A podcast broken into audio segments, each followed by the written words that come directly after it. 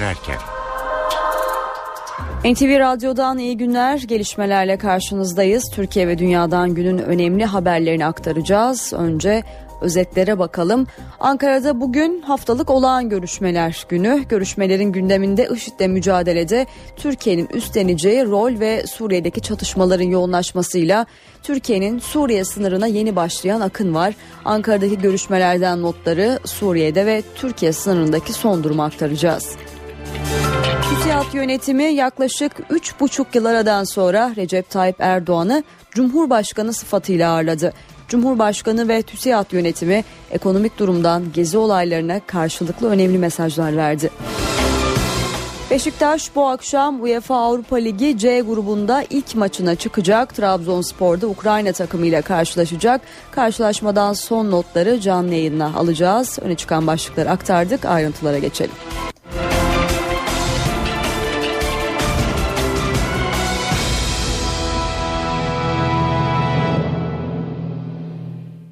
TÜSİAD yaklaşık 3,5 yıl aradan sonra Recep Tayyip Erdoğan'ı Cumhurbaşkanı sıfatıyla ağırladı.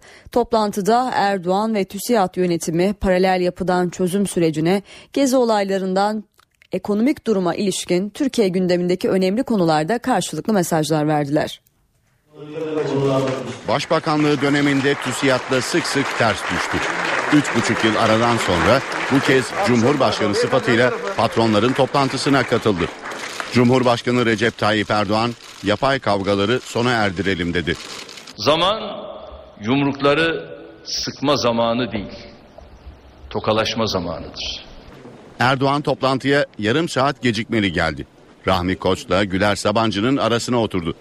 TÜSİAD Başkanı Haluk Dinçer kutuplaşma uyarısı yaptı.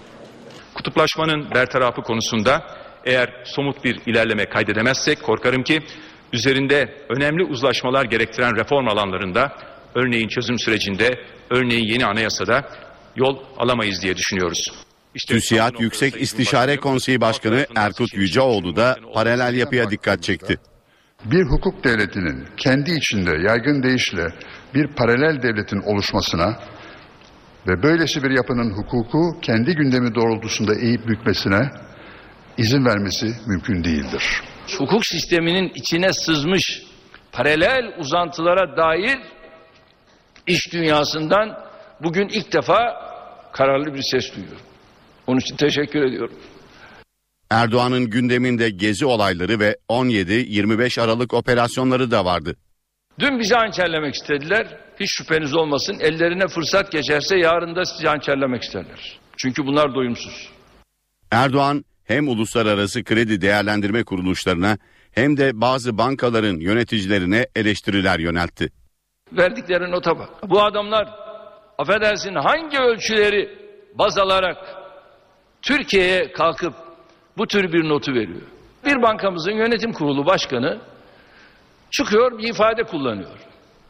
Son yıllarda istikrara, güvenliğimize, birliğimize yönetim kurulları olarak bu tür yönelik saldırılara atıfta bulunarak son derece karamsar bir tablo ortaya koyuyor. Neymiş? Elde edilen başarılara gölge düşmüş. Türkiye'nin yurt dışında itibarı zedelenmiş. Hukuk sistemi sorgulanmaya başlanmış. Amerikan uçakları Irak'taki IŞİD hedeflerini vururken IŞİD de Suriye'deki Kürt bölgelerini hedef aldı ve Türkiye sınırına yakın 16 Kürt köyünü ele geçirdi. Çatışmaların şiddetlenmesiyle Suriye'den yine kaçış başladı ve çoluk çocuk yüzlerce Suriyeli bavullarıyla Türk sınırına dayandı. Sırtlarında eşyalarla yollara döküldüler. Çoluk çocuk yüzlerce Suriyeli hayatta kalabilmek için Türkiye sınırına akın etti. Kürt kaynaklar IŞİD'in PYD kontrolündeki 20'nin üzerinde köyü ele geçirdiğini duyurdu. Suriyeli Kürtler Peşmerge güçleri ve PKK'dan IŞİD'i püskürtmek için askeri destek istedi. Suriye'nin Türkiye sınırındaki köylere IŞİD saldırısı sürüyor. Şanlıurfa'nın Akçakale ilçesinin karşısındaki Rakka kentine bağlı köylerden silah sesleri yükseliyor. Çatışmalardan kaçan çok sayıda Suriyeli yürüyerek Türk sınırına ulaştı. Türkiye'ye geçmek isteyen Suriyeliler tel örgülerin yanında Türk askerinin kontrolünde bekletiliyor. Karşıdaki insanlar da bizim amca çocukları, teyzelerimiz, halalarımız savaştan kaçıyor, geliyor, tele sığınmış.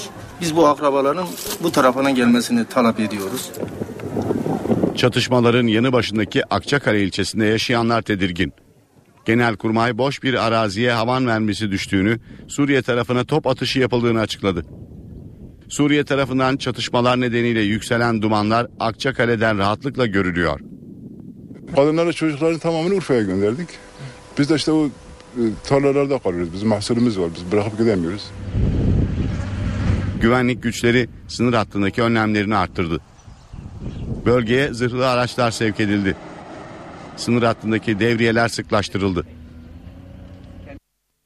Dünya IŞİD'in saldırılarına karşı alarmda. Fransa'nın uyarısı üzerine Arap kökenli bir Fransız çift radikal dincilere katılmak için Suriye'ye geçmek üzereyken Hatay'da Türk polisi tarafından yakalandı. 19 ve 20 yaşındaki çiftin Fransa'ya iade edileceği bildirildi. Bu arada Fas'tan Ankara'ya dikkat çeken bir talep var. Fas hükümeti Ankara'dan Fas vatandaşlarına vize uygulamasını istedi. IŞİD'e kendi ülkelerinden çok sayıda militan katıldığını ve bunların Türkiye üzerinden Suriye'ye geçtiğini kaydeden Fas yönetimi Ankara'dan Fas vatandaşlarına vize uygulaması talebinde bulundu. IŞİD saflarında en az 1500 Fas vatandaşı olduğu tahmin ediliyor. Bu arada New York Times gazetesi Türkiye'den IŞİD'e katılım olduğu haberinde kullandığı Cumhurbaşkanı Erdoğan'la Başbakan Davutoğlu'nun yer aldığı fotoğrafı internetten kaldırdı. Ancak haberinin arkasında durduğunu duyurdu. Türkiye ile IŞİD arasında petrol ticareti yapıldığı yönündeki iddialara hükümetten tepkiler sürüyor. Enerji ve Tabi Kaynaklar Bakanı Taner Yıldız'la Gümrük ve Ticaret Bakanı Nurettin Canikli konuştu. Algı oluşturulmasıyla alakalı gayretlere şahit oluyoruz.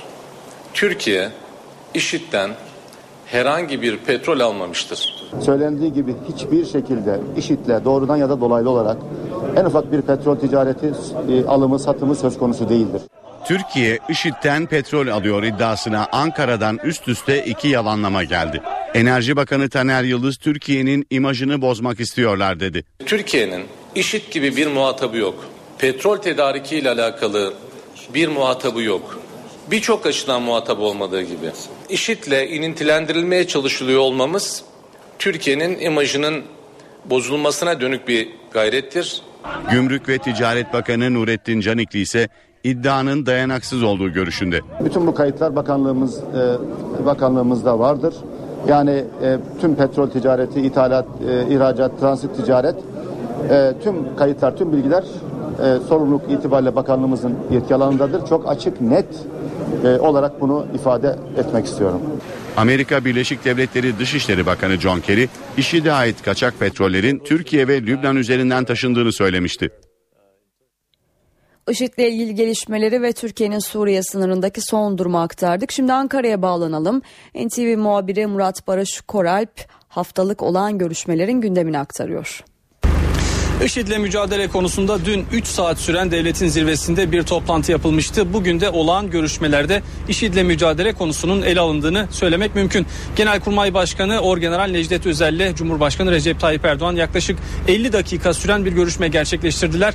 Bir sonraki randevu saat 18'de Başbakan Ahmet Davutoğlu bu kez köşke gelecek ve Cumhurbaşkanı Recep Tayyip Erdoğan'la bir görüşme gerçekleştirecek.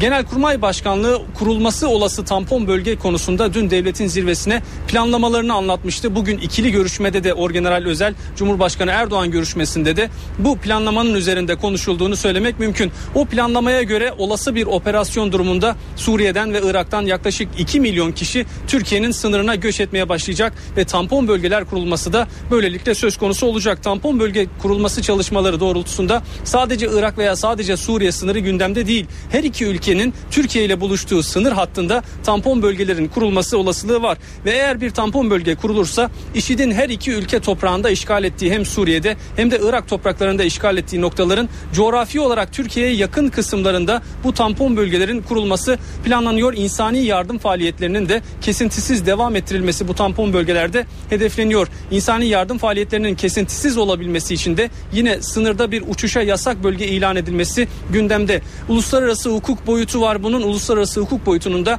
gelecek hafta Birleşmiş Milletler Zirvesi'nde New York'ta ele alınması alınması bekleniyor. Haftalık olağan görüşmeler içinde artık yaklaşık 55 dakika sonra Başbakan Ahmet Davutoğlu köşke bekleniyor. NTV Radyo Cumhurbaşkanı Recep Tayyip Erdoğan, CHP lideri Kemal Kılıçdaroğlu'nun Bank Asya'ya ilişkin mektubuna bugün yanıt verdi. Erdoğan isim vermeden bir bankanın batırılması için çalışılmıyor. O banka batmış zaten taşıma suyla ayakta durmaya çalışıyor dedi. Dün bir açıklama duyuyorum. Çok enteresan. Ve örnek o da manidar.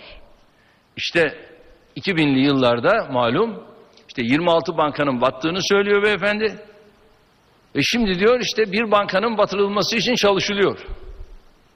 Bir bankanın batırılması için çalışılmıyor. O banka şu anda batmış zaten. Fakat bu taşıma su ile ayakta durmaya çalışıyor. O 26 batık bankanın olduğu dönemden biz farklı bir finans dünyasını devraldık. Ve şu anda bankalarımızın geldiği nokta çok açık net ortada. Batan böyle bir finans kuruluşunu biz de o dönemde olan yanlışları tekrarlayarak aynen devam ettirelim. Ve bir de hakaretamiz bir şekilde Sayın Başbakan'a onun yanında da işte yüksek rakımlı yerden bahsediyor. Pek alışık değil. Herhalde oralara gelmesi de mümkün olmayacak. Çünkü bu anlayışla, bu kafayla böyle bir şey olmaz. Bankasya ile ilgili bir not daha aktaralım. Bankasya hisseleri bugün yarım saatliğine işleme kapatıldı. Sabah seansında önce taban yapan daha sonra ise alımlarla tavan yapan bankanın hisseleri %21'lik bir bantta hareket etti. Bunun üzerine Borsa İstanbul yönetiminden anormal fiyat hareketlerinden dolayı Bankasya hisselerinin geçici olarak işleme kapatıldığı açıklaması geldi. 14.20 gibi işleme kapatılan hisseler 14.45'te tekrar işlem görmeye başladı. Adalet Bakanı Bekir Bozdağ Diyarbakır ve Şırnak ziyaretlerinin ardından bugün Van'da temaslarda bulunuyor. Bölgenin nabzını tutan Bakan Bozdağ çözüm süreciyle ilgili önemli mesajlar verdi. Biz bu sürecin başarıya ulaşacağına inanıyoruz. Epey bir mesafe kat. Sayın Başbakanımız da ifade etti. Artık yolun yarısı geçildi. Geri dönüşü yok. Adalet Bakanı Bekir Bozdağ çözüm süreciyle ilgili mesajı bölgede verdi. Diyarbakır ve Şırnak'ta temaslarda bulunan Bozdağ son dönemde artan olaylara dikkat çekti. Tabii sona yaklaştıkça belki provokatif eylemler artacaktır. Ama bu iyi yolda olduğumuzu gösteriyor. Tabii bunların olması arzu edili şeyler değil. Yani artık Türkiye'de yol kesmelerin, adam kaçırmaların, yatırımların engellenmesi, müteahhitlerin araçlarının yakılması, yıkılması kabul edilebilir şeyler değildir. Bir Bakan Bozdağ barış... süreci engellemek isteyenler olduğunu söyledi. Herkes yaptığına dikkat edecek dedi. Bir yandan barış, bir yandan çözüm diyenlerin yaptıkları bu eylemlerinde doğru olmadığı herkesin buna karşı olduğu da çok açıktır. Samimi olan herkes yaptığına dikkat edecek. Artık iyi bir iklimin her yerde kalıcı olması öyleyse bu iklimi bozan her şeyi gündemimizin dışına atmamız ve bu iklimin üzerinde herkesin titremesi gerektiğini ben inanıyorum. Diyarbakır, Şırnak ve Hakkari'de Kürtçe eğitim verilmesi için açılmak istenen okulların mühürlenmesiyle başlayan gerginlikte devam ediyor. Dün gece çıkan olaylarda iki gazeteci yaralandı, 50 kişi de gözaltına alındı. Diyarbakır'da Kürtçe eğitim vermek üzere açılan okulun mührü ikinci kez söküldü. Polisin gruba müdahale etmesiyle olaylar çıktı. Bu sırada bazı göstericiler Anadolu Ajansı muhabirlerinden birini bıçakladı. Diğerini ise darp etti. Yaralanan muhabirler hastaneye kaldırıldı. Gözaltına alınan 50 kişi terörle mücadele şubesine götürüldü. Gerginlik sonrası okul içerisinde arama yapan polisler çok sayıda el yapımı bomba ve havai fişek ele geçirdi. Hakkari Yüksekova'da ise bir grup mühürlenen okulun çevresinde toplandı. Göstericiler polise molotof kokteyli ve havai fişek attı. Polis biber gazıyla karşılık verdi. Grup ara sokaklara dağıldı ancak gerginlik bitmedi. İlerleyen saatlerde dört okul molotof kokteyli atılarak ateşe verildi. Şırnak Cizre'de de Kürtçe eğitimin verileceği duyurulan ilkokulun mühürlenip kapatılmasının ardından ilçedeki diğer okullar hedef haline geldi. Okullara molotof kokteyliyle saldıranlara polis gaz bombalarıyla müdahalede bulundu. Kürtçe eğitim gerginliği ile ilgili HDP'den bir açıklama geldi. Yazılı açıklamada hükümet söylediklerinde samimi ise Kürtçe eğitim yapılmak istenen okulları mühürlemekten vazgeçmelidir denildi. Bölgedeki 3 okulun kapatılmasına tepki gösterilen açıklamada Kürtçe eğitimin çözüm sürecinin önemli bir parçası olduğu belirtildi ve sürecin gerçekten olumlu gelişmesi ve güven arttırıcı adımların atılabilmesi için Kürt halkının taleplerine kulak verilmeli ifadesi kullanıldı. Ankara'nın IŞİD'le mücadeleyle birlikte ilk sırada yürüyen gündemi çözüm süreci. Başbakan Ahmet Davutoğlu ilgili bakan ve bürokratlarla bir toplantı yaptı. NTV muhabiri Özden Erkuş toplantıdan ayrıntıları aktarıyor. Her iki haftada bir değerlendirilme yapılacak çözüm süreciyle ilgili olarak bu kapsamdaki ikinci toplantı yaklaşık bir saat önce tamamlandı. Başbakanlık Merkez Binada Başbakan Davutoğlu başkanlığındaki toplantıya Başbakan Yardımcıları Bülent Arınç, Yalçın Akdoğan, Numan Kurtulmuş, Savunma Bakanı İsmet Yılmaz, İçişleri Bakanı Efkan Ala, Başbakanlık Baş Müşaviri Hatem Ete, Başbakanlık Müşaviri Ali Sarıkaya ile MİT Müsteşarı Hakan Fidan ve AK Parti Grup Başkan Vekili Mahir Ünal katılan isimler arasındaydı. Çözüm sürecine ilişkin bir yol haritası belirlenmeye çalışılıyor. Çekilme, silahların bırakılması, geriye dönüş, dönüş sonrası alınacak kararlar topluma kazandırma ve siyaset alanı olmak üzere 6 adımlık bir çerçeve belirlenmiş durumda. İşte bu kapsamda meclis açılır açılmaz gerçekleşecek yasal değişiklikler ne olacak? İşte tüm bunlarla ilgili genel kapsamlı bir değerlendirme yapıldığı belirtiliyor toplantıda. Ayrıca son dönemde bölgede okullara yönelik molotoflu saldırılarında yine gündeme geldiği bilgisini aktaralım. Bu kritik toplantıda toplantı 2 saat sürdü ve yaklaşık bir saat önce de tamamlandı. Herhangi bir açıklama yapılmadı ancak Başbakan Ahmet Davutoğlu hem bu toplantıda konuşulanlara ilişkin hem de e, Türkiye'nin e, genel gündemine ilişkin bir başka değerlendirmeyi de yaklaşık bir saat sonra gerçekleştirecek. Zira olağan görüşme kapsamında bir saat sonra Başbakan Ahmet Davutoğlu Çankaya Köşkü'nde Recep Tayyip Erdoğan'la Cumhurbaşkanı ile bir araya gelecek. Diyanet İşleri Başkanı Mehmet Görmez Avrupa İnsan Hakları Mahkemesi'nin din dersinin zorunlu olmaktan çıkarılması kararını değerlendirdi. Zorunlu din eğitimiyle din kültürü ve ahlak dersinin farklı olduğuna dikkat çeken Görmez, AYİM'in bunları birbirine karıştırdığını söyledi. Mahkemeye müracaatın ilk safhasından itibaren şahsen takip ettiğim bir konu. Mahkemeden çıkan karara da belki henüz gerekçeli kararı detaylarıyla görmüş değilim. Zorunlu din eğitimiyle zorunlu din kültürü ve ahlak bilgisi derslerini birbirinden ayırmak gerekiyor. Eğer birbirinden iyi ayırt edildiği zaman Avrupa ülkelerinde de çok örnekleri olduğu için bu konuda herhangi bir sorun çıkacağını zannetmiyorum. Yani sorun din dersinin veya din kültürü ahlak bilgisi dersinin zorunlu olup olmaması değildir. Çünkü batıda da pek çok ülkede zorunlu din kültürü ahlak bilgisi dersleri vardır. Avrupa İnsan Hakları Mahkemesi'nin zannediyorum gördüğü sorun zorunlu din eğitimiyle din kültürü ahlak bilgisi dersinin zımnen de olsa birbirine karıştırılmasından kaynaklanmaktadır. İnanıyorum ki eğitimciler bunu çok iyi tefrik ettikleri zaman e, böyle bir sorun yaşanmayacaktır.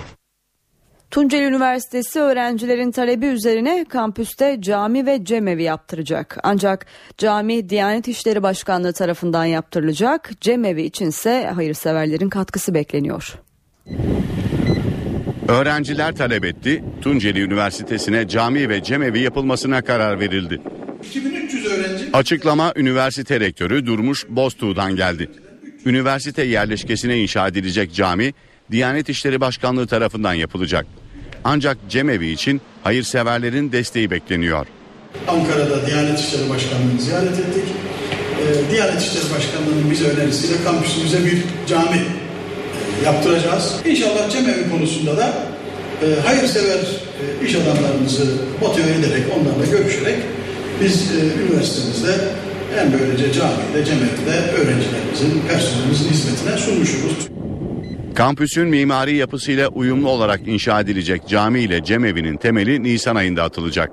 Cemevi kampüsün batı, cami de doğu tarafında olacak.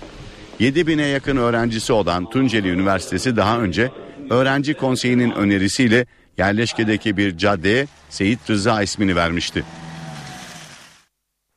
Ankara'da içme suyunun kirli olduğu iddiası üzerine CHP milletvekili Aylin Nazlı Akay'la Büyükşehir Belediye Başkanı Melih Gökçek arasındaki tartışma farklı bir boyut kazandı.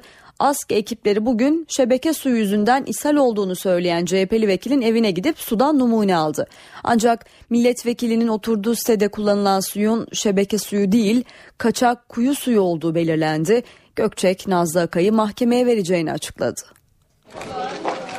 CHP Ankara Milletvekili Aylin Nazlı Aka içme suyundan ishal olduğunu söyledi.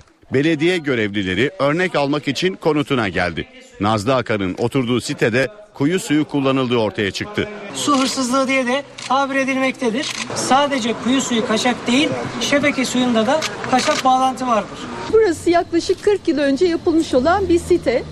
Bu site zamanında kuyu suyu kullanmaya başlamış. Bu düzen böyle gelmiş, böyle gitmiş. Biz de daha sonra buradan ev aldık. Hiç bugüne kadar kuyu suyu kullanıldığını dahi bilmiyordum. Bu vesileyle buradaki olaydan haberim olmuş oldu. Ankara Büyükşehir Belediye Başkanı Melih Gökçek ise Nazlı Akay'a tepkili. Kaçak su kullanacaksın. Kaçak kuyu açacaksın. Kaçak kuyudan mikroplu suyu kullanacaksın. Ondan sonra ishal olacaksın. Ondan sonra da kalkacaksın Ankara Büyükşehir Belediyesi'ne çamur atacaksın. Gökçek konuyu yargıya taşıyacağını açıkladı. Kesinlikle yargıya taşıyacağız. Çok ciddi para cezası alacaklar. Ayrıca da kaçak su kullandıkları için bir yıldan üç yıla kadar hapis cezası var. Bununla ilgili olarak ödeyeceğimiz bir ceza varsa tabii ki bu cezayı öderiz. Biz cezaya ödemekten kaçınmıyoruz. İstanbul'da şehrin geleceği, geleceğin şehri ve kentsel dönüşüm zirvesi vardı. Büyükşehir Belediye Başkanı Topbaş bu toplantıda dikkat çeken bir çıkış yaptı. Bakanlıkların İstanbul'daki plan yapma yetkisinin kaldırılması gerektiğini söyledi. İstanbul üzerinde ben Sayın Başbakanımıza da aktardım onu özellikle bahsettim.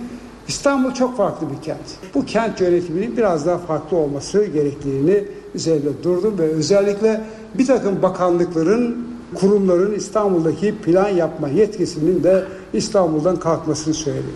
Tek yönetim, tek anlayış, tek noktada bu yetkiler toplanmalı. İstanbul'un bazı noktalarında maalesef mevcut imar haklarının çok daha üzerinde bir yapılanmalar ortaya çıkmış olduğu için bu alanlardaki mevcudu korumak artı bir değer vermenin imkan olmadığı yerlerde belki de e, imar hakları transferi gibi bir sistem getirmek mümkün olabilir.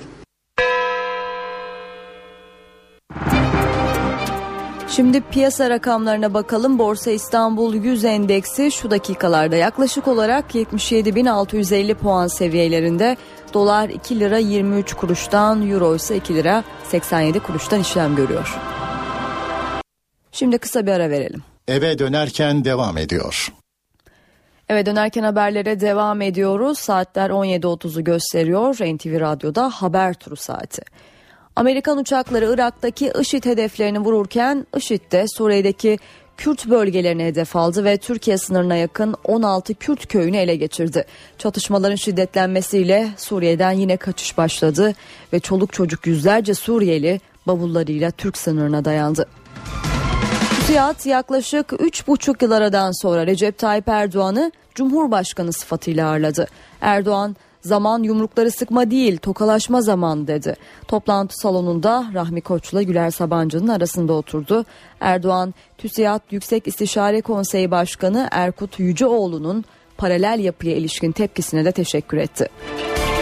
Diyarbakır, Şırnak ve Hakkari'de Kürtçe eğitim verilmesi için açılmak istenen okulların mühürlenmesiyle başlayan gerginlik sürüyor. Dün gece çıkan olaylarda iki gazeteci yaralandı, 50 kişi gözaltına alındı. Kürtçe eğitim gerginliği ile ilgili HDP'den de bir açıklama geldi. Yazılı açıklamada hükümet söylediklerinde samimi ise Kürtçe eğitim yapılmak istenen okulları mühürlemekten vazgeçmelidir denildi.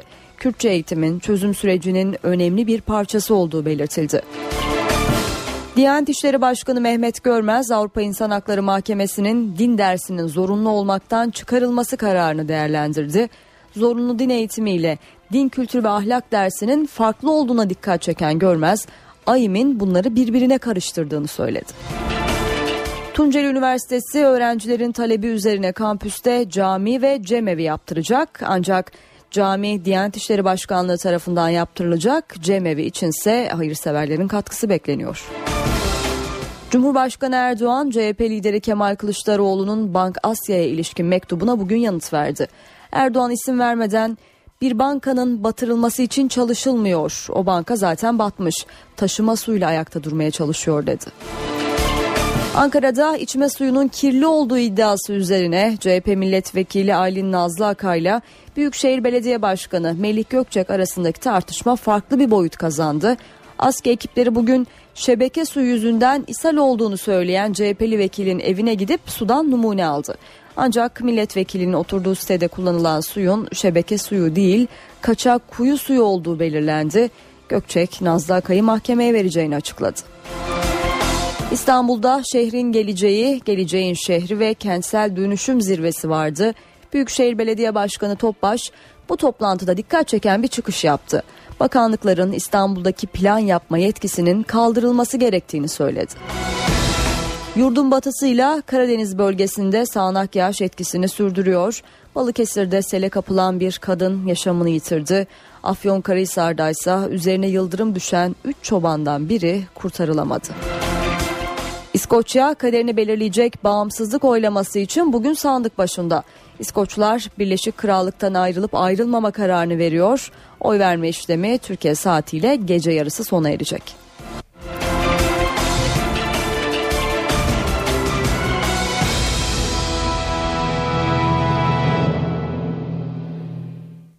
Gündemin ayrıntılarıyla devam ediyoruz. Kurban Bayramı öncesi kurbanlıklar İstanbul'a getirilmeye başladı. NTV muhabiri Korhan Varol bugün İstanbul'daki kurban pazarlarına gitti.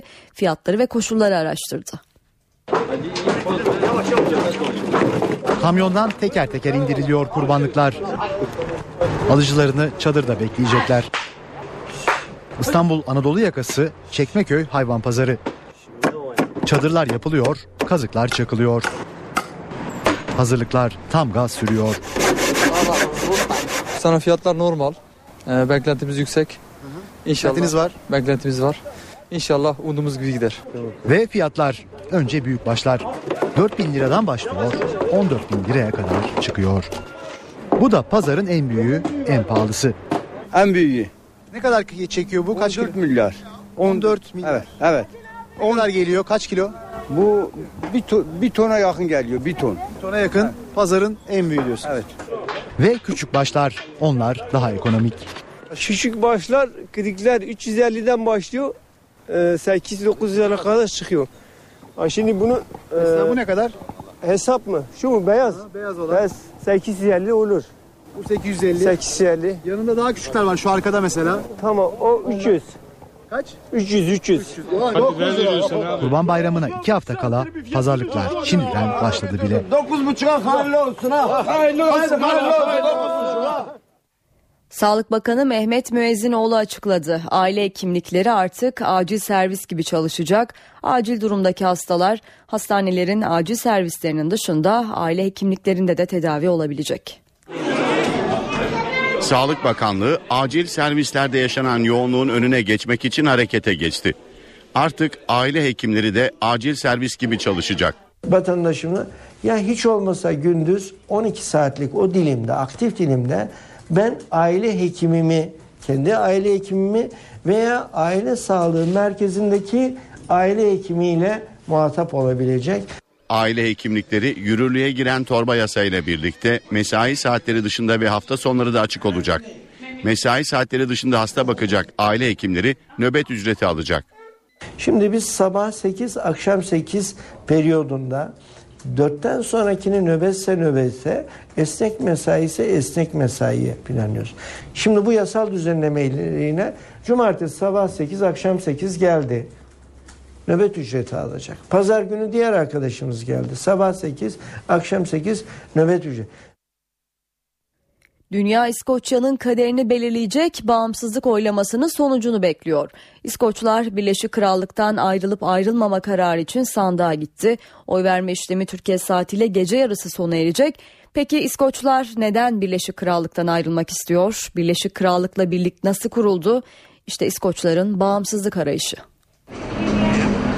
İskoçya'daki bağımsızlık referandumu Birleşik Krallık'la olan 307 yıllık birlikteliğin kaderini belirleyecek. 800 yıl bağımsız kalmış bir krallık olan İskoçya, 1707'den bu yana Birleşik Krallık'ın bir parçası.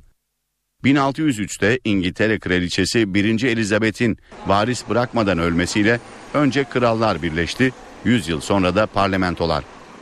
Bağımsızlık mücadelesi filmlere de konu olan İskoçları birlikten soğutansa yakın geçmişte Demir Lady Margaret Thatcher oldu.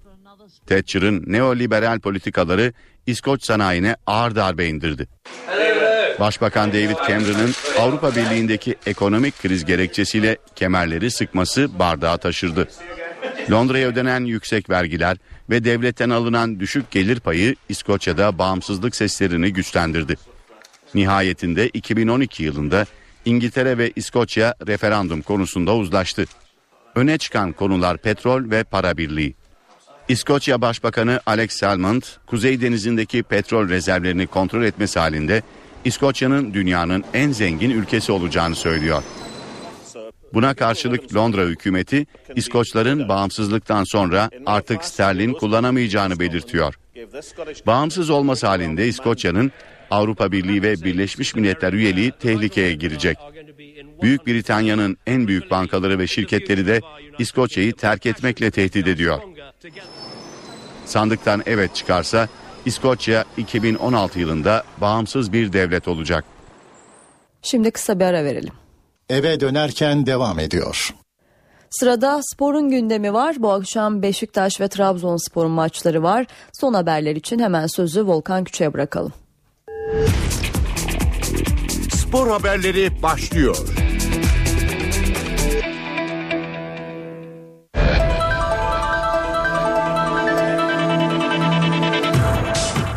Beşiktaş UEFA Avrupa Ligi C grubundaki ilk maçında Yunanistan'ın Asteras Tripolis takımıyla bugün İstanbul'da karşılaşacak. Saat 20'de başlayacak karşılaşma Star'dan canlı yayınlanacak.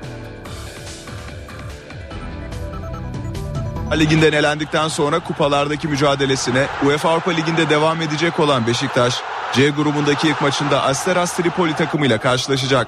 Siyah beyazlıların Yunan ekibiyle Atatürk Olimpiyat Stadında yapacağı karşılaşma saat 20'de başlayacak ve Star'dan canlı olarak ekrana gelecek. Maçı Çek hakem Miroslav Zelinka yönetecek. UEFA Avrupa Ligi'ne galibiyetle başlamak isteyen Beşiktaş hazırlıklarını tamamlayarak kampa girdi. Ümraniye Nevzat Demir tesislerinde maç öncesi son taktik antrenmanını yapan siyah beyazlarda Dembaba ve Sosa takımla birlikte çalıştı. İki oyuncu da Asteras maçı kadrosunda yer alacaklar ancak Dembaba ve Sosa'nın ilk 11'de yer almaları beklenmiyor. Siyah beyazlarda sakatlığı bulunan Ersan Gülümse mücadelede forma giyemeyecek. Bu arada C grubunun diğer maçında Sırbistan'ın Partizan takımı İngiltere temsilcisi Tottenham Hotspur'la Belgrad'da yine saat 20'de karşı karşıya gelecek. Trabzonspor UEFA Avrupa Ligi'nde grup maçlarına Ukrayna deplasmanında başlıyor. Bordo Mavililer L grubundaki ilk maçında Metalist Karkiv ile Lviv kentinde karşılaşacak. Mücadele saat 22.05'te başlayacak. Trabzonspor geçen sezon başarılı bir grafik çizdiği UEFA Avrupa Ligi'nde grup maçlarına bu sezonda iyi başlamak istiyor. Bordo Mavili takım L grubundaki ilk maçında Ukrayna'nın Metalist Karkiv takımıyla deplasmanda karşılaşacak. Ukrayna'nın doğusundaki siyasi karışıklık nedeniyle maç batıdaki Lviv kentinde oynanacak. Arena Lviv'deki karşılaşma saat 22.05'te başlayacak ve Norveçli hakem Tom Harald Hagen tarafından yönetilecek. Trabzonspor maç için son antrenmanını karşılaşmanın oynanacağı Arena Lviv'de yaptı. Çalışmanın başında teknik direktör Vahit Halilodzic sahada futbolcularla bir toplantı gerçekleştirdi. Ukrayna'ya götürülen 19 futbolcu da antrenmanda yer aldı. Sakatlığı nedeniyle ligde Fenerbahçe ile oynanan karşılaşmada forma giyemeyen Cardozo takımla çalıştı. Paraguaylı golcünün Metalist karşısında ilk 11'de yer alması bekleniyor. Metalist Karkiv'de karşılaşma için son çalışmasını gerçekleştirdi. Ukrayna ekibinde eski Trabzonsporlu Jaja da Bordo Mavili takıma karşı forma giyecek. Bu sezon Ukrayna Ligi'nde kötü günler geçiren Metalist ilk 6 hafta sonunda aldığı 7 puanla 8. sırada yer alıyor. Galatasaray Başkanı Ünal Aysal Anderlet maçında bazı futbolcuların protesto edilmesiyle ilgili bir açıklama yaptı. Başkan Aysal resmi internet sitesinden Selçuk, Burak ve Veysel için başlığıyla yayınlanan açıklamasında Anderlet'le oynadığımız Şampiyonlar Ligi ilk maçında bazı futbolcularımıza yönelik kimi protestoları zamansız ve bizlere yakışmayan bir durum, durum olarak değerlendiriyorum dedi. Aysal taraftarlardan futbolculara formsuz dönemlerinde de destek olunmasını istedi.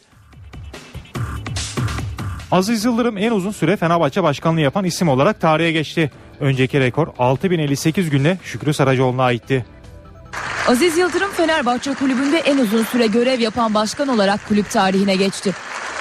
Yıldırım rekoru 6058 gün başkanlık yapan Şükrü Saraçoğlu'ndan aldı. Yani tape dedikleri konuşmalarımıza göre 15 Şubat 1998'deki genel kurulda Vefa Küçüğü yalnızca bir oy farkla geçerek başkanlık koltuğuna oturan Yıldırım o günden beri görevini sürdürüyor. Yıldırım başkanlığı süresince iki kez istifa etse de camianın baskısı ve desteğiyle görevine devam etmiştir. Aziz Yıldırım en uzun süre görevde kalmasının yanı sıra kulüp tarihinin en fazla şampiyonluk gören başkanı.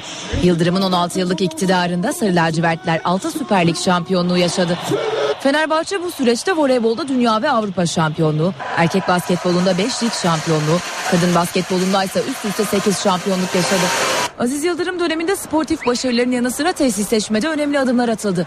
Şimdiki adıyla Şükrü Saraçoğlu stadı yenilenirken basketbol takımlarının maçlarını oynadığı Ülker Spor Saranay'la Topuklu Yaylası ve Ankara tesisleri kulübe kazandırıldı. Bu haberle spor bültenimizin sonuna geldik. Hoşçakalın.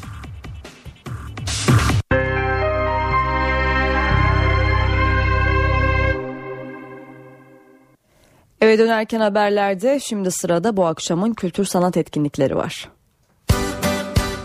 Yeni Türkü bu akşam İzmir'de konser veriyor. Bostanlı Suat Taşer Açık Hava Tiyatrosu'nda gerçekleşecek konser saat 21'de başlayacak. Derya Köroğlu, Erkin Hadimoğlu, Serdar Barçın ve Furkan Bilgili hem yeni şarkılar hem de klasik yeni türkü repertuarıyla sahnede olacak. Ankara'da ise Can Bonomo konseri var bugün. If Performance Hall'deki konser saat 21'de. İstanbul'daki etkinliklerle devam edelim. Karadeniz müziği dinlemek isteyenler bu akşam Beyoğlu Hayal Kahvesi'ne uğrayabilir. Saat 22.30'dan itibaren sahnede Niyazi Koyuncu olacak. Tolga Çevik'in sevilen gösterisi Arkadaşım Hoş Geldin, Harbi Açık Hava Tiyatrosu'nda 11. sezonuna bu akşam başlıyor. Gösteri kapılarını 21'de izleyicilere açacak. Salt Beyoğlu Açık Sinema'daki Bugün Günlerden Ne adlı film gösterimleri devam ediyor. Bu akşam saat 19'da Bruce Robinson'ın yönettiği 1987 yapımı Whitney and I adlı film gösterilecek. Şakir Gökçeban Black Hole adlı sergisi bu akşam Zorlu Performans Sanatları Merkezi'nde ziyaretçilerle buluşuyor. Gündelik hayatta kullandığımız objeleri mekansal yerleştirmelerle kullanım alanından uzaklaştıran ve objelerin izleyiciler gözünde yeni anlamlar kazanmasını sağlayan sanatçının 70 adet şemsiyeden oluşturduğu sergisi 6 ay boyunca Performans Sanatları Merkezi'nde sergilenecek. Bugün kapılarını açacak bir başka sergi de Petek Kızılelma'nın Galata Karl Galeri'deki Hurda isimli sergisi. Çöp sayılabilecek derecede biçimsiz nesnelerin bile bir estetik değere sahip olabileceğini vaat eden sergi, her nesnenin kendi başına estetik ve kavramsal olarak sanatın konusu olabileceğini savunuyor. Sergi 24 Eylül'e kadar ziyaretçilere açık. Erenköy'deki Galeri Art 350'de de Bilal Hakan Karakaya'nın Melez Sanrılar isimli sergisi var. Kimi zaman masallarda yer alan hikayelerden, kimi zaman rüyalardan, kimi zamansa Anadolu ya da Yunan mitolojilerinde görülen mitsel olguların dayandığı hikayelerden ilham alan sanatçının izleyiciyi ruhani bir yolculuğa çıkaran sergisi 2 Kasım'a kadar ziyaret edilebilir. Alan İstanbul'un ev sahipliği yaptığı karma sergi You Are Here'da bugün açılıyor. Sergi çağdaş sanatın en önemli meselelerinden biri olan sanatın mekanla ilişkisine odaklanıyor. İzleyicinin de dahil edildiği sergide eserler kendi sınırlarını aşarak tüm mekanı bir işe dönüştürüyor. Ramazan Bayrakoğlu, İrfan Önürmen, Arda Özmenoğlu ve Halil Vurucuoğlu'nun yer aldığı sergi 8 Kasım'a kadar açık. İstanbul trafiğindeki son duruma bakalım. Boğaziçi Köprüsü'nde Avrupa'dan Anadolu'ya geçişlerde trafik Ok Meydanı'ndan başlıyor ve köprü geçtikten sonra Altunizade'ye kadar devam ediyor. Anadolu'dan Avrupa geçişlerde ise yine Altunizade'den Acıbadem'den yoğunluğun başladığını görüyoruz. Yine Ok Meydanı'na kadar yoğunluk ters istikamette de devam ediyor. Fatih Sultan Mehmet Köprüsü'ne bakalım. Fatih Sultan Mehmet Köprüsü'nde Hastal'dan başlıyor yoğunluk. Köprüyü geçtikten sonra da kısa bir süre devam ediyor. Ters istikamette ise Kavacık'tan yoğunluğun başladığını görüyoruz. Köprü geçişinden sonra trafik akıcı.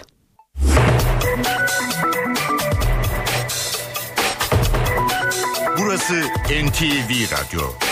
Saat 18.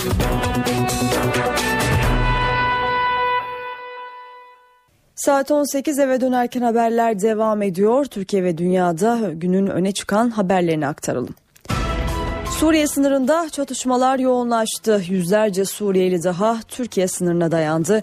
Ankara'da olağan görüşmelerin gündemi sınırdaki gelişmeler ve Amerika Birleşik Devletleri'nin IŞİD'le mücadelesinde Ankara'nın izleyeceği yol. Cumhurbaşkanı Erdoğan'ın yaklaşık 3,5 yıl aradan sonra TÜSİAD yönetimiyle bugün bir araya gelmesi öne çıkan gelişmelerden bir diğeri.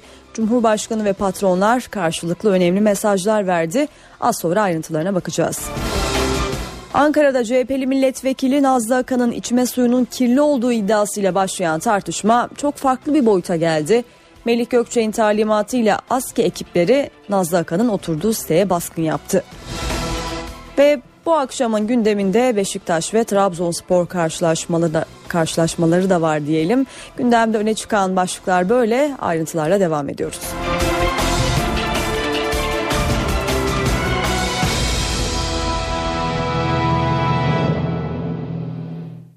Ankara'da bugün haftalık olağan görüşmeler günü. Görüşmelerin gündeminde IŞİD'le mücadele, Türkiye'nin üstleneceği rol ve Suriye'de çatışmaların yoğunlaşması ile Türkiye'nin Suriye sınırına yeni başlayan akın var.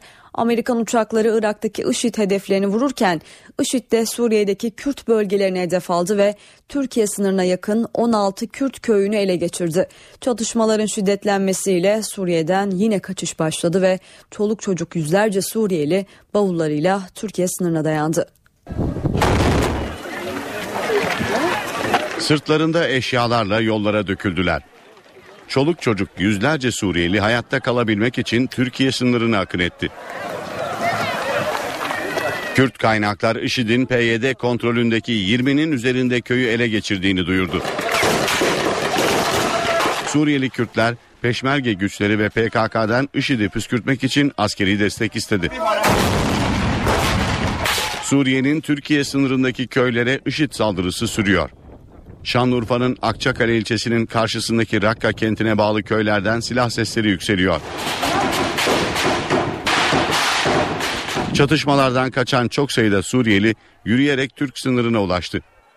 Türkiye'ye geçmek isteyen Suriyeliler tel örgülerin yanında Türk askerinin kontrolünde bekletiliyor. Karşıdaki insanlar da bizim amca çocukları, teyzelerimiz, halalarımız savaştan kaçıyor, geliyor, tele sığınmış. Biz bu akrabaların bu tarafına gelmesini talep ediyoruz. Çatışmaların yanı başındaki Akçakale ilçesinde yaşayanlar tedirgin.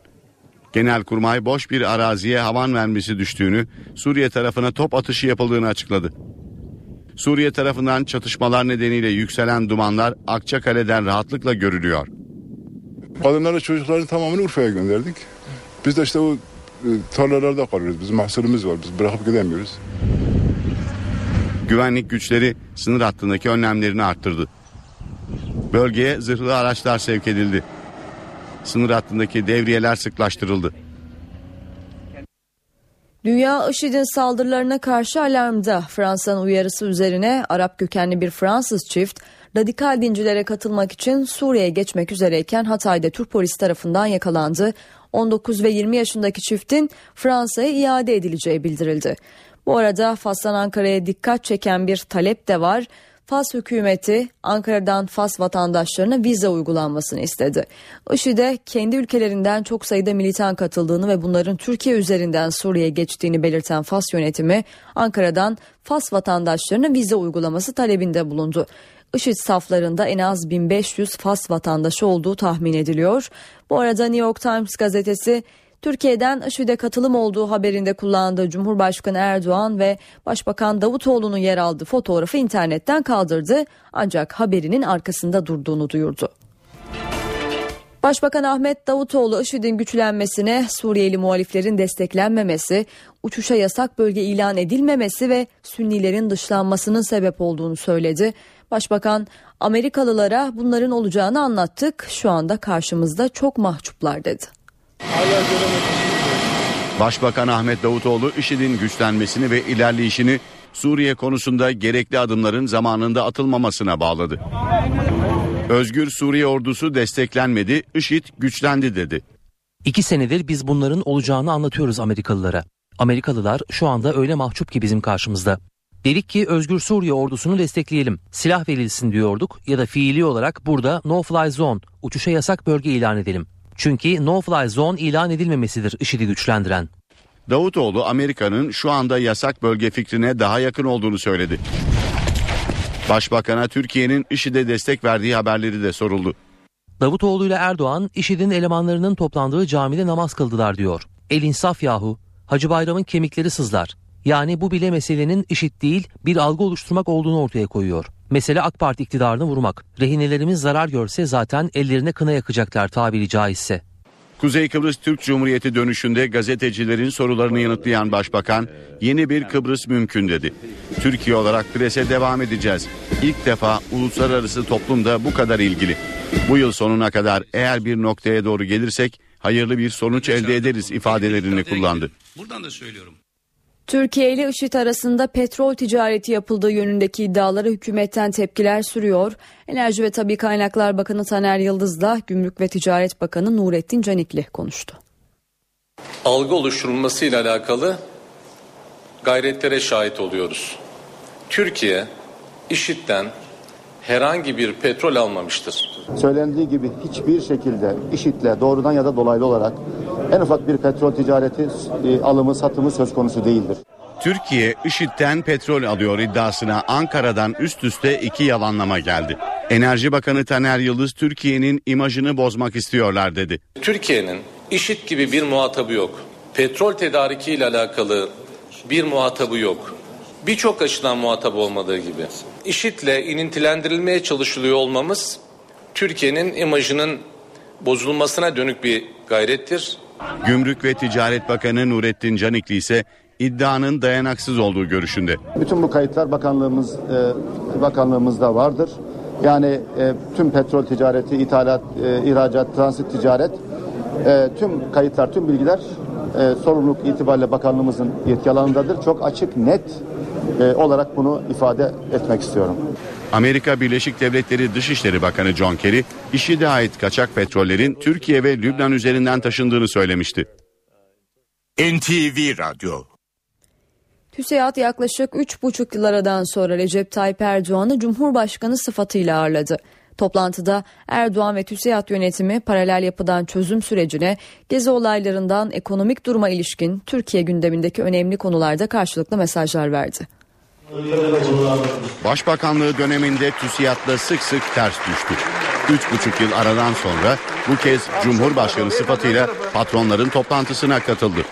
Cumhurbaşkanı Recep Tayyip Erdoğan yapay kavgaları sona erdirelim dedi. Zaman yumrukları sıkma zamanı değil, tokalaşma zamanıdır. Erdoğan toplantıya yarım saat gecikmeli geldi. Rahmi Koç'la Güler Sabancı'nın arasına oturdu. TÜSİAD Başkanı Haluk Dinçer kutuplaşma uyarısı yaptı. Kutuplaşmanın bertarafı konusunda eğer somut bir ilerleme kaydedemezsek korkarım ki üzerinde önemli uzlaşmalar gerektiren reform alanlarında örneğin çözüm sürecinde örneğin yeni anayasada yol alamayız diye düşünüyoruz. İşte TÜSİAD Yüksek İstişare Konseyi Başkanı Erkut Yüceoğlu da paralel yapıya dikkat çekti. Bir hukuk devletinin kendi içinde yaygın deyişle bir paralel devletin oluşmasına ve böylesi bir yapının hukuku kendi gündemi doğrultusunda eğip bükmesine izin vermesi mümkün değildir. Hukuk sisteminin içine sızmış paralel uzantılara dair iş dünyasından bugün ilk defa kararlı bir ses duyuyorum. Onun için teşekkür ediyorum. Erdoğan'ın gündeminde gezi olayları ve 17-25 Aralık operasyonları da vardı. Dün bizi hançerlemek istediler. Hiç şüpheniz olmasın. Ellerine fırsat geçerse yarın da sizi hançerlemek isterler. Çünkü bunlar doyumsuz. Erdoğan hem uluslararası kredi değerlendirme kuruluşlarına hem de bazı bankaların yöneticilerine eleştiriler yöneltti. Verdikleri nota bak. Bu adamlar affedersin hangi ölçüleri baz alarak Türkiye'ye kalkıp bu tür bir notu veriyor. Bir bankamızın yönetim kurulu başkanı çıkıyor bir ifade kullanıyor. Son yıllarda istikrara, güvenliğimize, birliğimize yönetim kurulları olarak bu tür yönelik saldırılara atıfta bulunarak son derece karamsar bir tablo ortaya koyuyor. Neymiş? Elde edilen başarılara gölge düşmüş. Türkiye'nin yurt dışında itibarı zedelenmiş. Hukuk sistemi sorgulanmaya başlanmış. Başbakan Yardımcısı Yalçın Akdoğan 2023 hedeflerine ulaşmak için muhalefetin katkısının önemli olduğunu söyledi. Cumhurbaşkanı ve Başbakanın dışlayıcı yaklaşım olmadığını belirten Akdoğan, kapıları kapatan kaybeder ifadesini kullandı. Medya iktidar, muhalefet iktidar ilişkilerinde yeni bir döneme girildi. Açıklama Başbakan Yardımcısı Yalçın Akdoğan'dan. Akdoğan, Cumhurbaşkanı Recep Tayyip Erdoğan ve Başbakan Ahmet Davutoğlu'nun reddeden, dışlayan bir yaklaşım olmadığını söyledi. Muhalefete mesaj verdi. İkisinin de sıkılı yumruğu yok şu anda. Kapıları kapatan, köprüleri atan kaybeder. Başbakan açıkça söyledi. Ben elimi uzatırım. Peşinen yok kardeşim ben oynamıyorum diyen varsa o kaybedecektir. Akdoğan, toplumun gerildiği, kutuplaştığı yorumlarını da değerlendirdi. Bu bir şehir efsanesine dönüştü. Toplumsal kutuplaşma olsa sokağa çok daha farklı yansır. Erdoğan Cumhurbaşkanı olduktan sonra farklı bir atmosfer var değil mi? Başbakanın, Cumhurbaşkanının konuşmalarında toplumu gelecek hiçbir şey var mı? Gazetelerin Ankara temsilcileriyle bir araya gelen Akdoğan'a Kürtçe eğitim gerginliği de soruldu. Ben buraya okul açtım, devlet de Kürtçe'ye karşı diyorsunuz. Çok ucuzculuk. Süreci bu tür ucuz siyasi taktiklere kurban etmemek lazım. Süreç var diye illegaliteyi sineye çekelim gibi bir yaklaşım söz konusu değildir. Akdoğan, PKK'lı teröristlerin ülkeyi terk etme sürecinin yeniden başlaması gerektiğini söyledi. Diyarbakır, Şırnak ve Hakkari'de Kürtçe eğitim verilmesi için açılmak istenen okulların mühürlenmesiyle başlayan gerginlik sürüyor.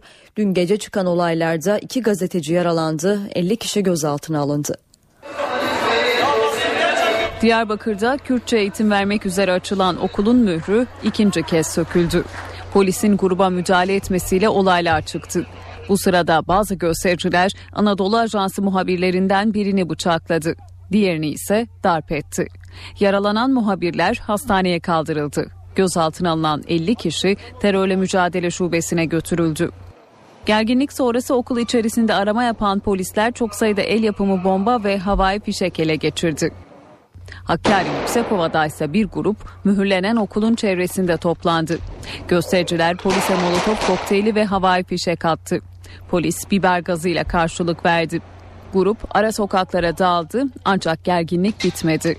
İlerleyen saatlerde dört okul molotof kokteyli atılarak ateşe verildi.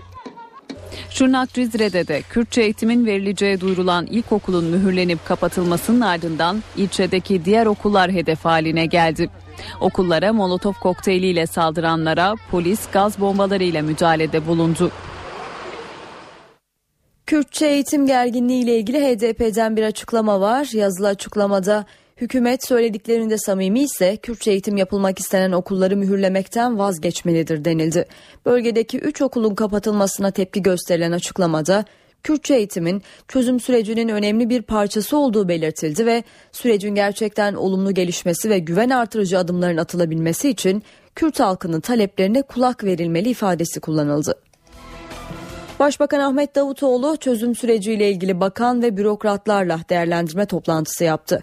Çözüm sürecine ilişkin yol haritasının değerlendirildiği toplantıya Başbakan yardımcıları Bülent Arınç, Yalçın Akdoğan ve Numan Kurtulmuş'la Milli Savunma, İçişleri Bakanı ve MİT Müsteşarı da katıldı.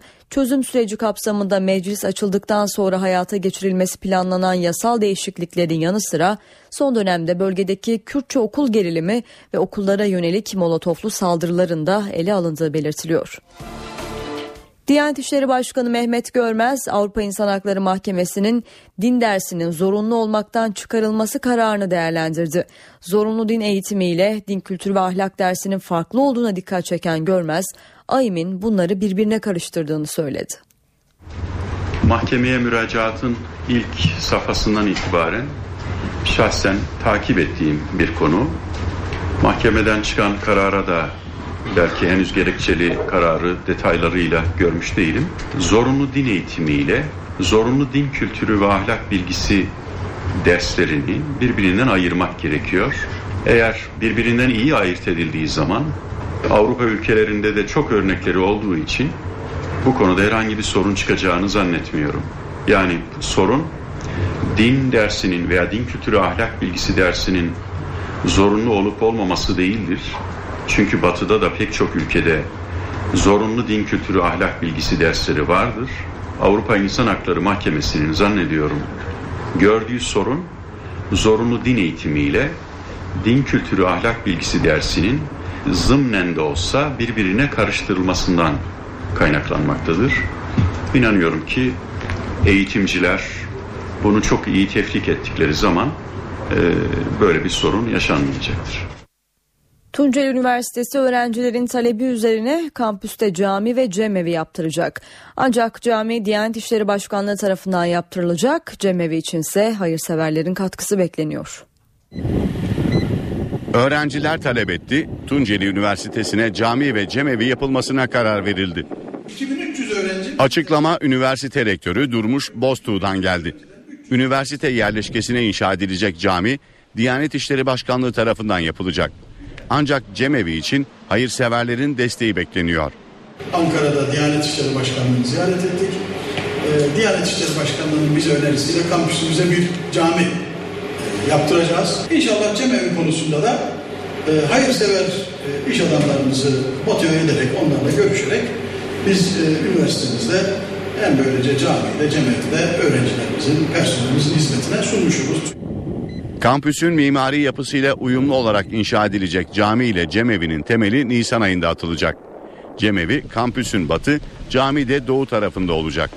7 bine yakın öğrencisi olan Tunceli Üniversitesi daha önce öğrenci konseyinin önerisiyle yerleşkedeki bir caddeye Seyit Rıza ismini vermişti.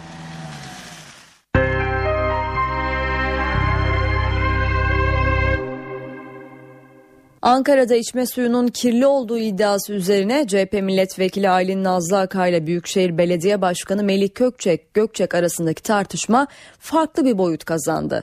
ASK ekipleri bugün şebeke suyu yüzünden ishal olduğunu söyleyen CHP'li vekilin evine gidip sudan numune aldı. Ancak milletvekilinin oturduğu sitede kullanılan suyun şebeke suyu değil, kaçak kuyu suyu olduğu belirlendi. Gökçek, Nazlı Akay'ı mahkemeye vereceğini açıkladı. CHP Ankara Milletvekili Aylin Nazlı Aka içme suyundan ishal olduğunu söyledi. Belediye görevlileri örnek almak için konutuna geldi. Nazlı Aka'nın oturduğu sitede kuyu suyu kullanıldığı ortaya çıktı. Su hırsızlığı diye de tabir edilmektedir. Sadece kuyu suyu kaçak değil, şebeke suyunda da kaçak bağlantı vardır. Burası yaklaşık 40 yıl önce yapılmış olan bir site. Bu site zamanında kuyu suyu kullanmaya başlamış. Bu düzen böyle gelmiş, böyle gitmiş. Biz de daha sonra buradan ev aldık. Hiç bugüne kadar kuyu suyu kullanıldığını dahi bilmiyordum. Bu vesileyle buradaki olaydan haberim olmuş oldu. Ankara Büyükşehir Belediye Başkanı Melih Gökçek ise Nazlı Akay'a tepkili. Kaçak su kullanacaksın. Kaçak kuyu açacaksın. Kaçak kuyudan mikroplu suyu kullanacaksın. Ondan sonra ishal olacaksın. Ondan sonra da kalkacaksın Ankara Büyükşehir Belediyesi'ne çamur atacaksın. Gökçek konuyu yargıya taşıyacağını açıkladı. Kesinlikle yargıya taşıyacağız. Çok ciddi para cezası alacaklar. Ayrıca da kaçak su kullandıkları için bir yıldan üç yıla kadar hapis cezası var. Bununla ilgili olarak ödeyeceğimiz bir ceza varsa tabii ki bu cezayı öderiz. Biz cezaya ödemekten kaçınmıyoruz. İstanbul'da şehrin geleceği, geleceğin şehri ve kentsel dönüşüm zirvesi vardı. Büyükşehir Belediye Başkanı Topbaş bu toplantıda dikkat çeken bir çıkış yaptı. Bakanlıkların İstanbul'daki plan yapma yetkisinin kaldırılması gerektiğini söyledi. İstanbul üzerinde ben Sayın Başbakanımıza da aktardım onu özellikle bahsettim. İstanbul çok farklı bir kent. Bu kent yönetiminin biraz daha farklı olması gerektiğini üzerinde durdum ve özellikle bir takım bakanlıkların, kurumların İstanbul'daki plan yapma yetkisinin de İstanbul'dan kalkmasını söyledim. Tek yönetim, tek anlayış, tek noktada bu yetkiler toplanmalı. İstanbul'un bazı noktalarında maalesef mevcut imar haklarının çok daha üzerinde bir yapılanmalar ortaya çıkmış olduğu için bu alanlardaki mevcudu korumak artı bir değer vermenin imkan olmadığı yerlerde belki de e, imar hakları transferi gibi bir sistem getirmek mümkün olabilir.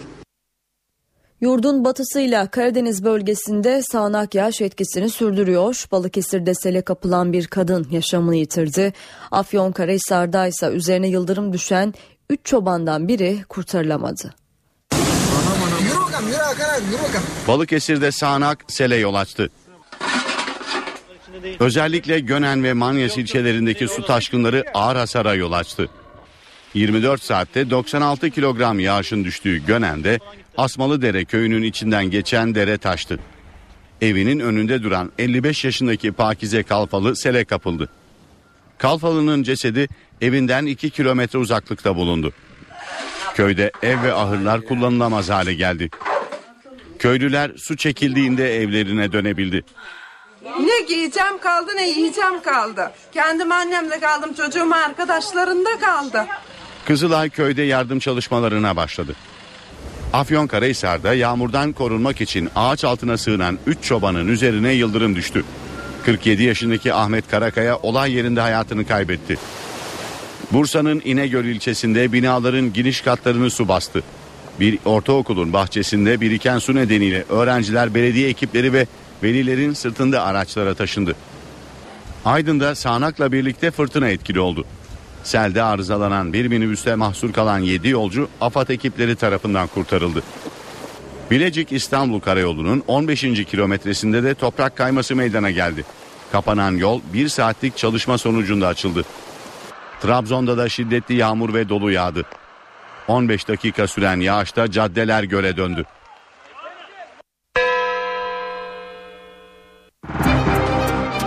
Borsa İstanbul 100 endeksi günü dünkü kapanışa göre 1.471 puanlık düşüşte 77.496 puandan tamamladı. Dolar 2 lira 23 kuruş, Euro 2 lira 87 kuruştan satıldı. Şimdi kısa bir ara verelim. Eve dönerken devam ediyor. Saat 18.30 NTV Radyo'da haber turuyla devam ediyoruz. Amerikan uçakları Irak'taki IŞİD hedeflerini vururken IŞİD de Suriye'deki Kürt bölgelerini hedef aldı ve Türkiye sınırına yakın 16 Kürt köyünü ele geçirdi. Çatışmaların şiddetlenmesiyle Suriye'den yine kaçış başladı. Çoluk çocuk yüzlerce Suriyeli bavullarıyla Türkiye sınırına dayandı. Dışişleri Bakanı Mevlüt Çavuşoğlu Almanya'da konuştu. Irak ve Suriye'deki yabancı savaşçılara ilişkin bu bölgeye gelen her teröristin her şeyden önce ister yabancı savaşçı ister bölgeden olsun Türkiye yönelik bir tehdit olduğunu biliyoruz dedi. Türkiye ve IŞİD arasında petrol ticareti yapıldığı yönündeki iddialar Enerji Bakanı Taner Yıldız'la Gümrük ve Ticaret Bakanı Nurettin Canikli tarafından yalanlandı. Dünya IŞİD'in saldırılarına karşı alarmda Fransa'nın uyarısı üzerine Arap kökenli bir Fransız çift radikal dincilere katılmak için Suriye'ye geçmek üzereyken Hatay'da Türk polisi tarafından yakalandı. 19 ve 20 yaşındaki çiftin Fransa'ya iade edileceği bildirildi. Bu arada Fas çok sayıda vatandaşının Türkiye üzerinden Suriye'ye geçip IŞİD'e katıldığını belirterek Ankara'dan Fas vatandaşlarına vize uygulamasını istedi. New York Times gazetesi Türkiye'den IŞİD'e katılım olduğu haberinde kullandığı Cumhurbaşkanı Erdoğan'la Başbakan Davutoğlu'nun yer aldığı fotoğrafı internetten kaldırdı ancak haberinin arkasında durduğunu duyurdu. Kürtçe eğitim gerginliği ile ilgili HDP'den açıklama geldi. Yazılı açıklamada hükümet söylediklerinde samimi ise Kürtçe eğitim yapılmak istenen okulları mühürlemekten vazgeçmelidir denildi. Başbakan Ahmet Davutoğlu çözüm süreciyle ilgili bakan ve bürokratlarla değerlendirme toplantısı yaptı. Çözüm süreci kapsamında meclis açıldıktan sonra hayata geçirilmesi planlanan yasal değişikliklerin yanı sıra son dönemde bölgedeki Kürtçe okul gerilimi ve okullara yönelik molotoflu saldırılarında ele alındığı belirtiliyor. Yurdun batısıyla Karadeniz bölgesinde sağanak yağış etkisini sürdürüyor. Balıkesir'de sele kapılan kadın yaşamını yitirdi. Afyonkarahisar'da ise üzerine yıldırım düşen 3 çobandan biri kurtarılamadı. Ankara'da içme suyunun kirli olduğu iddiası üzerine CHP milletvekili Aylin Nazlı Akay'la Büyükşehir Belediye Başkanı Melih Gökçek arasındaki tartışma farklı bir boyut kazandı. ASKE ekipleri bugün şebeke suyu yüzünden ishal olduğunu söyleyen CHP'li vekilin evine gidip sudan numune aldı. Ancak milletvekilinin oturduğu sitede kullanılan suyun şebeke suyu değil kaçak kuyu suyu olduğu belirlendi. Gökçek Nazlı Akay'ı mahkemeye vereceğini açıkladı. İstanbul Büyükşehir Belediye Başkanı Kadir Topbaş dikkat çeken bir çıkış yaptı. Bakanlıkların İstanbul'daki plan yapma yetkisinin kaldırılması gerektiğini söyledi. Diyanet İşleri Başkanı Mehmet Görmez Avrupa İnsan Hakları Mahkemesi'nin din dersinin zorunlu olmaktan çıkarılması kararını değerlendirdi. Zorunlu din eğitimiyle din kültürü ve ahlak dersinin farklı olduğuna dikkat çeken Görmez, AYİM'in bunları birbirine karıştırdığını söyledi. Tunceli Üniversitesi öğrencilerin talebi üzerine kampüste cami ve cemevi yaptıracak ancak cami Diyanet İşleri Başkanlığı tarafından yaptırılacak cemevi içinse hayırseverlerin katkısı bekleniyor.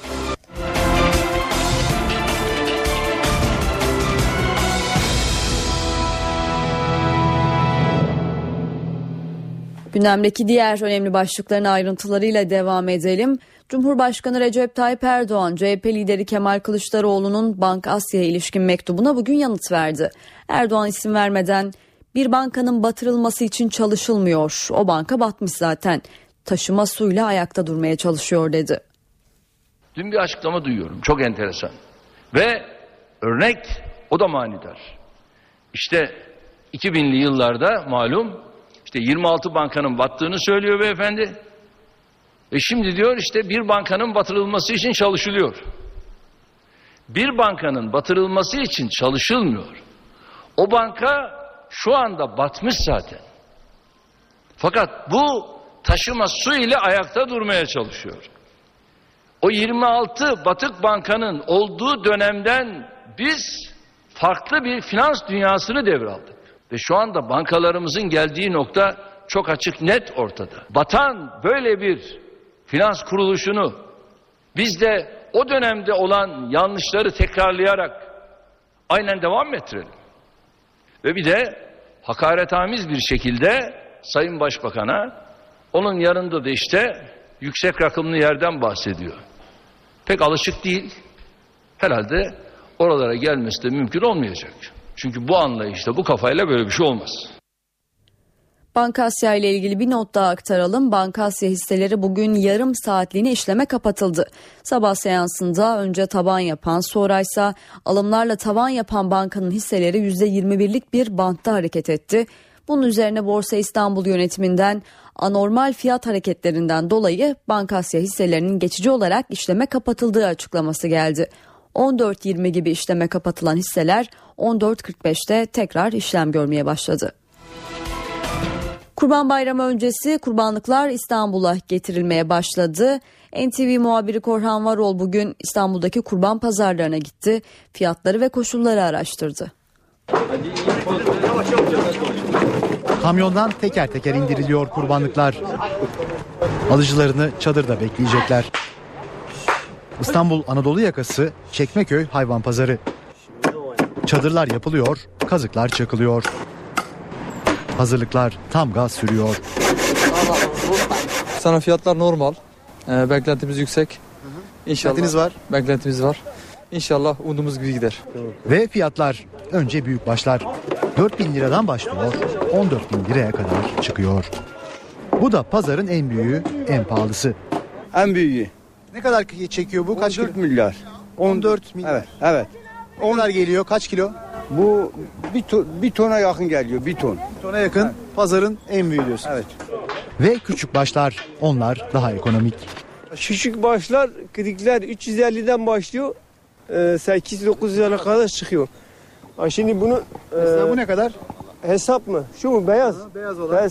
850 olur. Bu 850. 850. Yanında daha küçükler var şu arkada mesela. Tamam o 300. Kaç? 300 300. Kurban Bayramı'na iki hafta kala pazarlıklar şimdiden başladı bile. 9.5'a hayırlı olsun ha. Hayırlı olsun, hayırlı olsun. Eve dönerken haberlere kısa bir ara verelim. Eve dönerken devam ediyor. Gelişmeleri aktarmaya devam ediyoruz. Cumhurbaşkanı eşi Emine Erdoğan 1967 yılında mezun olduğu ilkokulu ziyaret etti bugün. Öğrencilerle sohbet eden Emine Erdoğan eğitimde şartların daha iyiye gittiğini söyledi.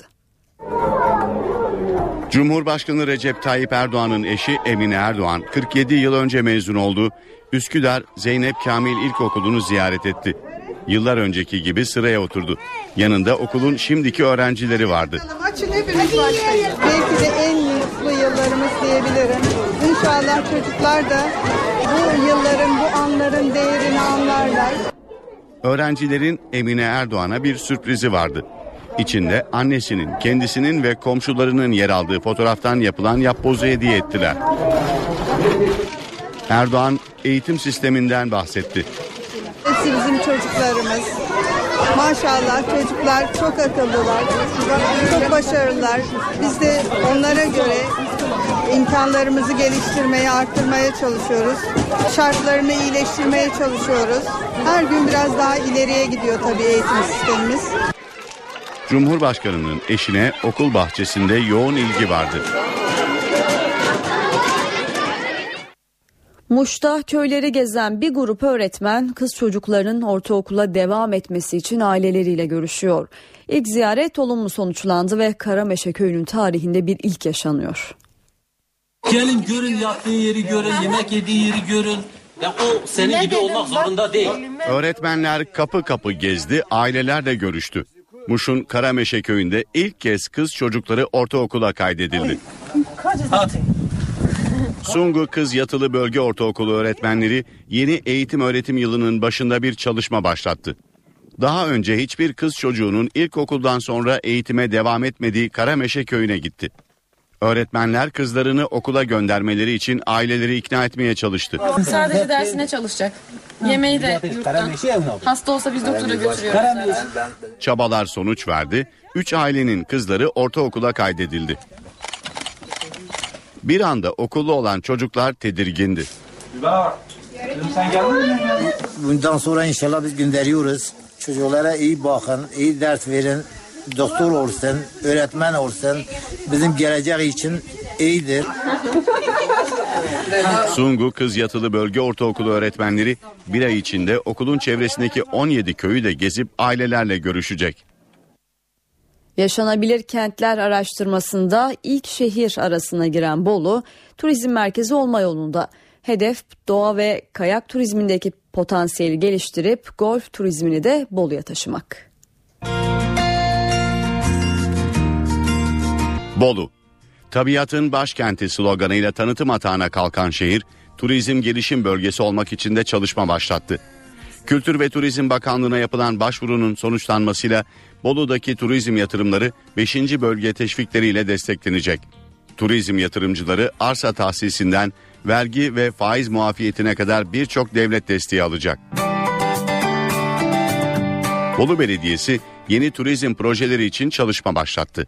Bolu'yla bir teleferik hattı olacak. Golf turizmini de burada e, geliştirebilmek için çalışıyoruz. Kışın bütün Avrupa takımları futbol anlamında biliyorsunuz Antalya'ya gidiyor. Yazın sadece futbol takımları değil. Niçin bütün spor takımları kamp merkezi Bolu olmasın? Bolu Belediye Başkanı Alaaddin Yılmaz, dünyanın en büyük yaşlılar köyünü Bolu'da kurmak için çalışma başlattıklarını açıkladı. Bu Yaşlar Köyü projemizin normalde huzur evlerinden farklı. Bir yaşlının kendi yaşam alanı olacak. Onun küçük bir bahçesi olacak.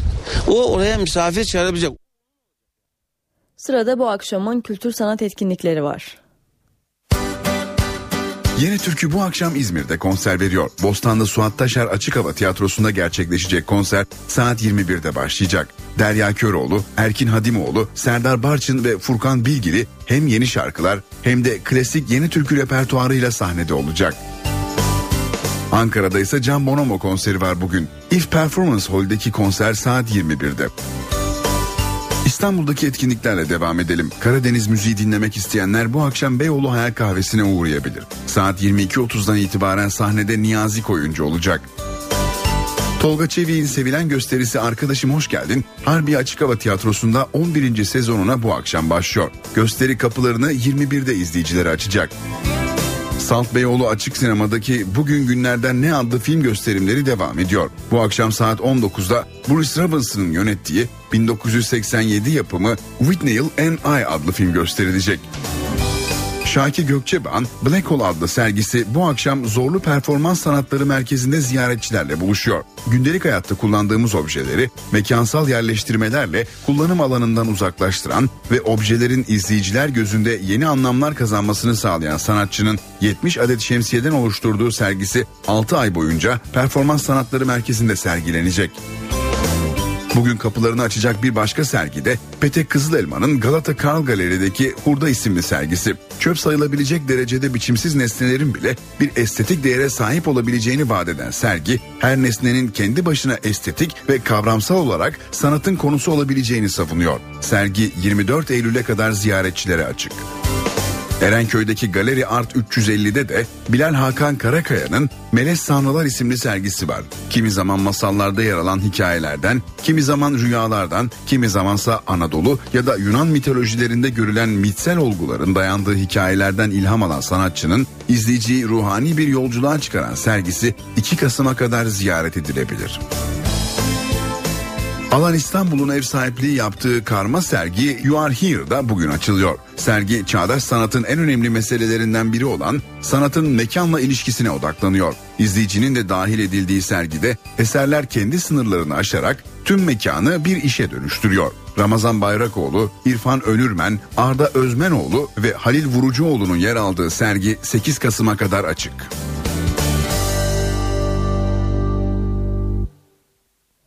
Ara verelim. Saat başında gelişmeleri aktarmayı sürdüreceğiz. Eve dönerken devam ediyor. Günün öne çıkan başlıklarını aktarıyoruz. IŞİD Suriye'deki Kürt bölgelerine saldırdı. Türkiye sınırına yakın 16 Kürt köyünü ele geçirdi.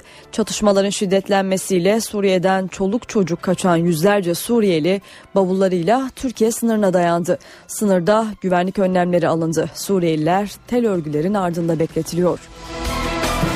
Cumhurbaşkanı Recep Tayyip Erdoğan bugün önce Genelkurmay Başkanı Orgeneral Necdet Özel'le ardından da Başbakan Ahmet Davutoğlu ile bir araya geldi. Erdoğan Davutoğlu görüşmesi Çankaya Köşkü'nde sürüyor. Görüşmelerin gündemi IŞİD'le mücadelede Türkiye'nin yol haritası. Almanya'da temaslarda bulunan Dışişleri Bakanı Mevlüt Çavuşoğlu, Suriye ve Irak'taki yabancı savaşçılar konusunda Türkiye'ye yönelik haksız ithamlar olduğunu söyledi. Bakan Çavuşoğlu, bu bölgeye gelen her teröristin ister yabancı savaşçı ister bölgeden olsun Türkiye yönelik bir tehdit olduğunu biliyoruz dedi. Türkiye'nin bugünlerde binden fazla şüpheli yakalayıp sınır dışı ettiğine dikkat çeken Çavuşoğlu son 7 ayda 3000'den fazla kişiye de Türkiye'ye giriş yasağı koyduklarını söyledi. Almanya Dışişleri Bakanı ise IŞİD'le mücadele eden PKK'yı terör örgütleri listesinden çıkarma gibi bir planları olmadığının altını çizdi. Fransa Cumhurbaşkanı Hollande basın toplantısı düzenleyerek IŞİD'e karşı Irak'taki hava operasyonlarına katılacaklarını açıkladı. Kara savaşı olursa katılmayacaklarını belirtti. TÜSİAD yaklaşık 3,5 yıl aradan sonra Recep Tayyip Erdoğan'ı Cumhurbaşkanı sıfatıyla ağırladı. Erdoğan zaman yumrukları sıkma değil tokalaşma zamanı dedi. Toplantı salonunda Rahmi Koç'la Güler Sabancı'nın arasında oturdu. Erdoğan, TÜSİAD Yüksek İstişare Konseyi Başkanı Erkut Yüceoğlu'nun paralel yapıya ilişkin tepkisine de teşekkür etti. Diyarbakır, Şırnak ve Hakkari'de Kürtçe eğitim verilmesi için açılmak istenen okulların mühürlenmesiyle başlayan gerginlik sürüyor. Dün gece çıkan olaylarda iki gazeteci yaralandı. 50 kişi gözaltına alındı. HDP bugün yazılı bir açıklama yaparak hükümet söylediklerinde samimi ise Kürtçe eğitim yapılmak istenen okulları mühürlemekten vazgeçmelidir dedi. Ankara Büyükşehir Belediye Başkanı Melih Gökçek içme suyunun kirli olduğunu iddia eden ve ishal olduğunu söyleyen CHP milletvekili Aylin Nazlı Akan'ın evine ekipleri yolladı.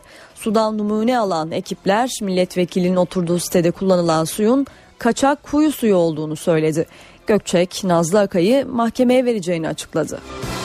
İstanbul Büyükşehir Belediye Başkanı Kadir Topbaş, bakanlıkların İstanbul'daki plan yapma yetkisinin kaldırılması gerektiğini söyledi. Topbaş bu konuyu Başbakanla da konuştuğunu belirtti.